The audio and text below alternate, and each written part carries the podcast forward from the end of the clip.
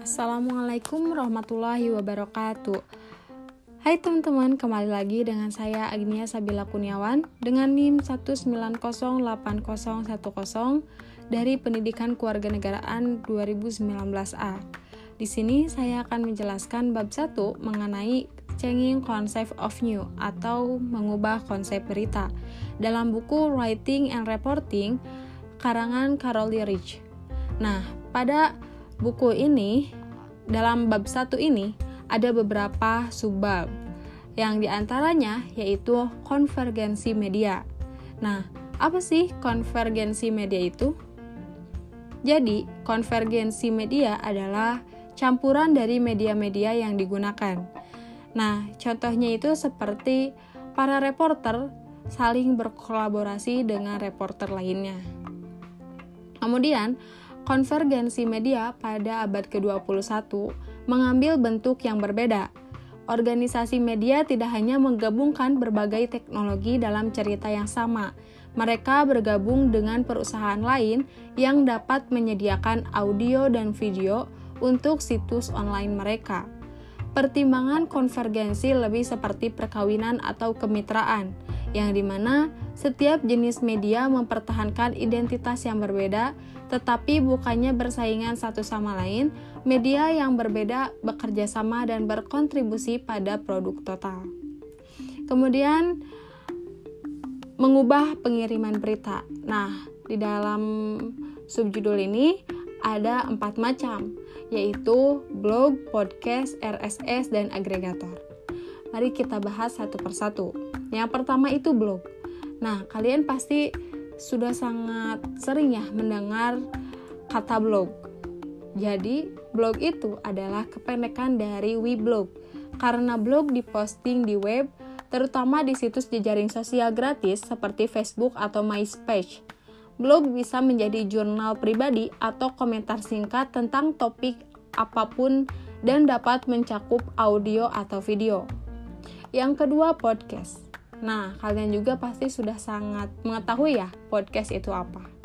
Jadi, podcast itu adalah informasi media digital dalam bentuk audio atau video yang didistribusikan melalui internet untuk digunakan pada pemutar media portable. Contohnya seperti di iPod atau di dalam komputer dan di handphone kalian masing-masing juga bisa mendengar atau melihat podcast dengan menggunakan perangkat lunak. Kemudian yang ketiga RSS. RSS feed adalah singkatan dari Really Simple, Simple Syndication.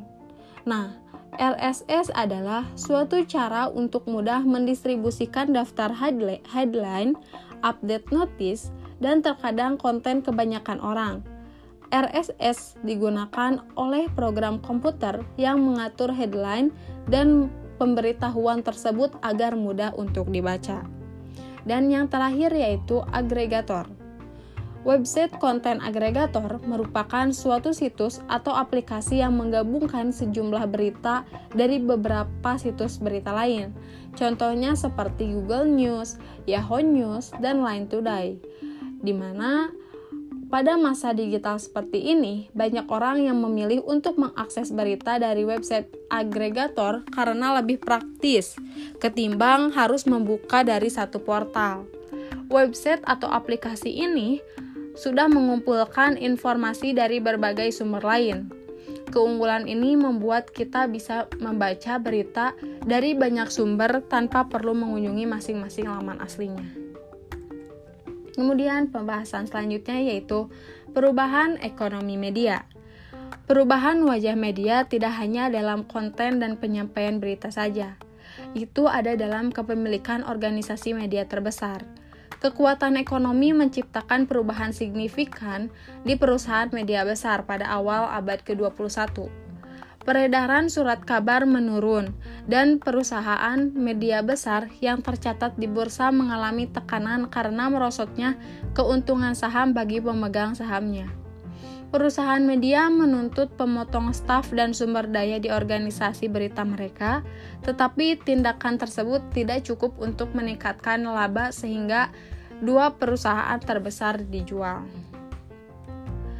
Kemudian pembahasan selanjutnya yaitu perubahan berita online.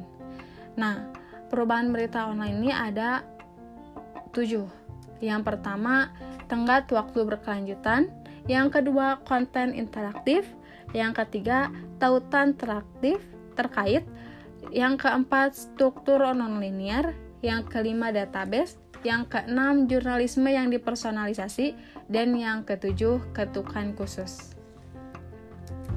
Lanjut pembahasan yang selanjutnya yaitu wartawan warga. Konsep jurnalisme publik telah berkembang menjadi gerakan yang disebut jurnalisme warga, yang di mana anggota komunitas berkontribusi pada berita melalui blog dan forum interaktif online. Beberapa saluran berita televisi seperti CNN menggunakan warganya untuk melaporkan berita tersebut, terutama pada saat terjadi tragedi seperti banjir, angin topan, dan tornado.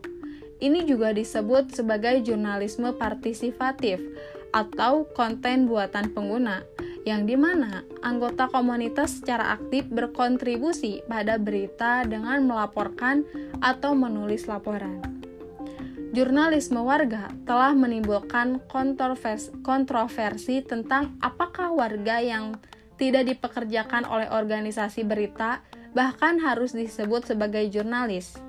Tetapi gerakan tersebut jelas merupakan kekuatan yang signifikan di media berita. Selanjutnya yaitu ada metode pelatihan. Nah, metode pelatihan ini ada empat. Yang pertama itu bayangkan ide. Pada tahap ini adalah mengembangkan ide untuk cerita.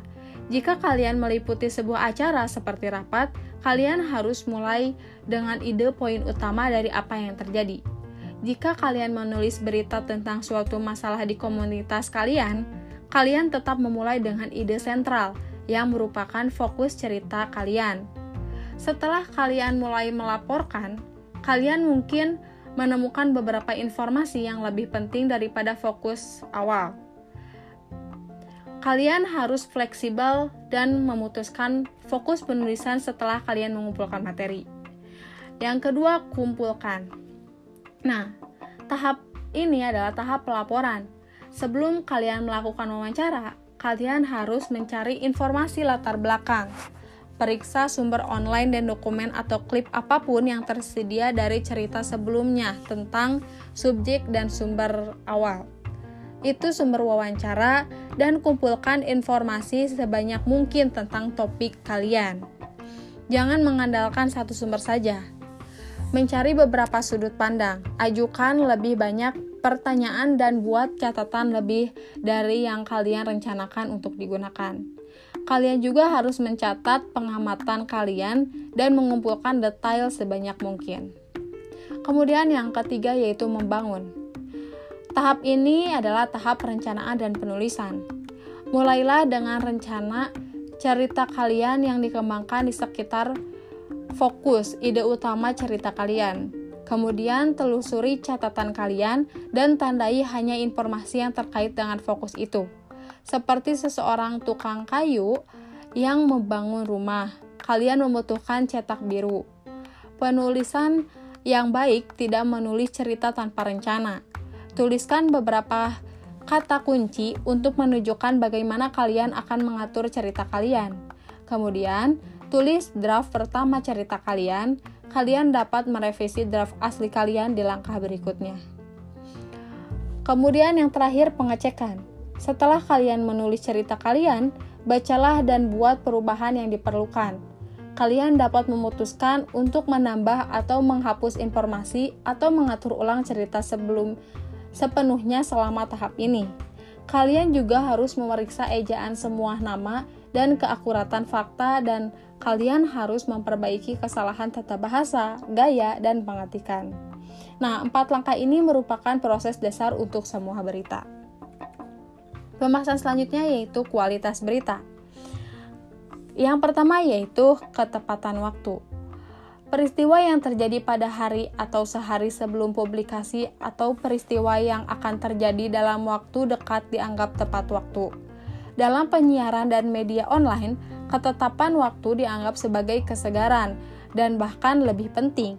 Ketika cerita diposting online segera setelah terjadi atau disiarkan beberapa kali sehari, kalian harus mempertimbangkan cara sering memperbaharuinya. Bahkan surat kabar cetak memiliki beberapa edisi yang perlu diperbaharui. Beberapa peristiwa yang terjadi di masa lalu juga dapat dianggap tepat waktu jika dicetak pada hari jadi peristiwa tersebut, seperti 1, 5, atau 10 tahun setelah peristiwa tersebut. Kemudian yang kedua, kedekatan. Suatu acara mungkin menarik bagi pembaca lokal karena terjadi di dalam atau dekat dengan komunitasnya. Yang ketiga yaitu sifat tidak biasa Peristiwa di luar kebiasaan, kejadian aneh atau langka, atau orang yang terlibat dalam kegiatan tidak bisa dianggap layak. Yang keempat yaitu waktu kepentingan manusia. Orang menyukai cerita tentang seseorang yang memiliki masalah, prestasi, atau pengalaman khusus, profil orang-orang yang telah mengatasi kesulitan atau yang berusaha memperbaiki masyarakat menginspirasi pembaca. Contohnya aja, pasangan yang menghabiskan 6.000 dolar untuk mencari kucing mereka yang hilang. Nah, yang kelima yaitu konflik. Cerita konflik antara masyarakat dengan pemerintah atau orang lain sering kali menjadi pemberitaan, terutama jika konflik tersebut mencerminkan masalah-masalah lokal. Kemudian yang keenam yaitu dampak. Cerita reaksi terhadap peristiwa berita atau sudut pandang berita yang mempengaruhi pembaca memiliki dampak, terutama ketika kisah atau tragedi nasional besar terjadi di komunitas mana pun. Surat kabar sering mencari sudut pandang lokal dengan menulis bagaimana orang-orang di daerah mereka terpengaruh oleh berita tersebut. Kemudian yang ketujuh, kegunaan. Konsumen, kesehatan, dan cerita petunjuk lainnya membantu pembaca menghadapi kehidupan mereka. Situs berita online penuh dengan cara-cara yang bermanfaat. Kemudian yang kedelapan, selebritas. Orang yang terkenal karena prestasinya, terutama penghibur, atlet, atau orang yang terkenal karena pencapaiannya, baik atau buruk, menarik banyak perhatian, tapi berita selebriti telah menjadi sangat populer sehingga beberapa jurnalis khawatir hal itu akan menggeser berita dan menjadi kaki tangan publik untuk hiburan. Kemudian yang kesembilan wawancara.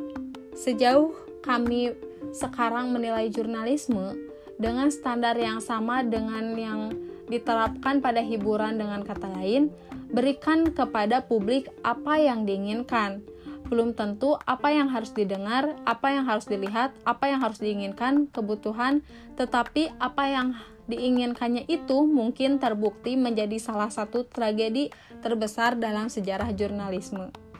Kemudian yang ke-10 hiburan. Cerita yang menghibur pembaca membuat mereka merasa nyaman atau membantu mereka menikmati waktu luang memiliki nilai hiburan. Dalam arti luas, banyak fitur berita di ruang ruang publik di rubrik olahraga dan gaya hidup dapat diklasifikasikan sebagai hiburan. Kisah hiburan sering kali melibatkan selebritas atau memiliki sifat yang bersifat kemanusiaan tetapi mereka juga kontroversial. Yang ke-11, masalah dan komunitas. Cerita-cerita ini biasanya mencakup kualitas seperti konflik dan kedekatan. Yang ke-12 dan yang terakhir gitu cerita dapat menunjukkan pola atau pergeseran dalam masalah yang mempengaruhi kehidupan pembaca, seperti peningkatan kejahatan, masalah sosial, dan kekuatan lain dalam masyarakat. Kemudian pembahasan selanjutnya yaitu berita dan fitur penting. Berita terbagi dalam dua kategori dasar, berita keras dan berita ringan. Berita keras mencakup cerita yang bersifat tepat waktu tentang peristiwa atau konflik yang baru saja terjadi atau akan terjadi, seperti kejahatan, kebakaran, dan rapat. Untuk rasa protes, pidato, dan kesaksian dalam kasus pengadilan. Pendekatan berita keras pada dasarnya adalah penjelasan tentang apa yang terjadi, mengapa itu terjadi, dan bagaimana pembaca akan terpengaruh. Kisah-kisah ini berlangsung cepat. Kemudian soft news. Diartikan sebagai berita yang menghibur atau memberi informasi. Dengan penekanan pada minat manusia dan kebaruan dan kurang cepat daripada berita biasa, misalnya seperti profil tentang seorang pria yang merancang pesawat model atau cerita tentang efektivitas diet akan dianggap lebih berita lembut. Soft news juga bisa berupa berita yang berfokus pada orang, tempat, atau masalah yang mempengaruhi kehidupan pembaca. Jenis cerita ini disebut cerita fitur. Fitur di surat kabar yang tidak memuat berita terbaru, mereka hanya berfokus pada orang atau topik yang menarik. Kemudian penjelasan selanjutnya yaitu pentingnya visual. Penyajian cerita dengan foto atau grafik sangat penting. Media penyiaran bergantung pada visual untuk sebagian besar cerita. Dalam penelitian yang disebut AS on the news dapat disimpulkan bahwa kebanyakan orang hanya menindai koran, melihat berita utama dan grafik, dan bahwa mereka membaca sangat sedikit cerita sepanjang buku. Rata-rata pembaca membaca sekilas sekitar 25% dari cerita di surat kabar, tetapi hanya membaca setengah dari cerita tersebut. Penggunaan alat verbal dan visual yang akan membuat informasi menjadi jelas bagi pembaca, misalnya cerita tentang semburan air langka dari Danau Tahu disertai dengan grafik di bawah yang menjelaskan bagaimana semburan air dibuat. Informasi tersebut tidak terulang di dalam teks. Dan yang terakhir, di dalam dunia multimedia ini, perencanaan elemen visual merupakan bagian penting dari setiap penyajian berita. Nah, mungkin cukup sekian penjelasan dari saya. Di sini saya akan memberikan pertanyaan kepada teman-teman. Pertanyaannya yaitu, apa sih yang kalian ketahui mengenai agregator yang telah saya jelaskan tadi?